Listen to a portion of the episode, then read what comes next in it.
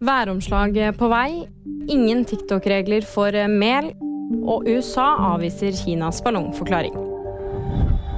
Et værskifte er på vei, og meteorologene varsler temperaturforskjeller på 30 grader. Statsmeteorolog Per Egil Haga sier at folk må regne med glatte veier, skredfare og muligens også flyforsinkelser i neste uke.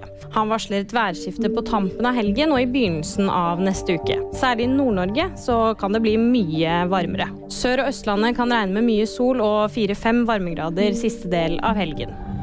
Justisminister Emilie Enger Mehl får kritikk for å ha brukt TikTok på jobbtelefonen. TikTok samler mye informasjon om brukerne og har tilgang til kamera og mikrofon. Det gjør statsråden et mulig mål for spionasje, ifølge en professor i cybersikkerhet. Justisministeren har sagt at hun ikke har retningslinjer mot TikTok. Det bekreftes nå av hennes departement.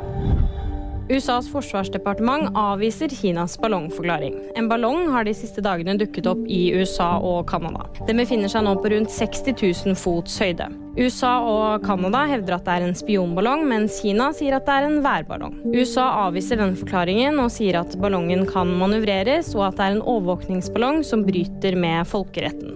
Og VG-nyhetene de fikk du av meg, Kaja Marie Andreassen.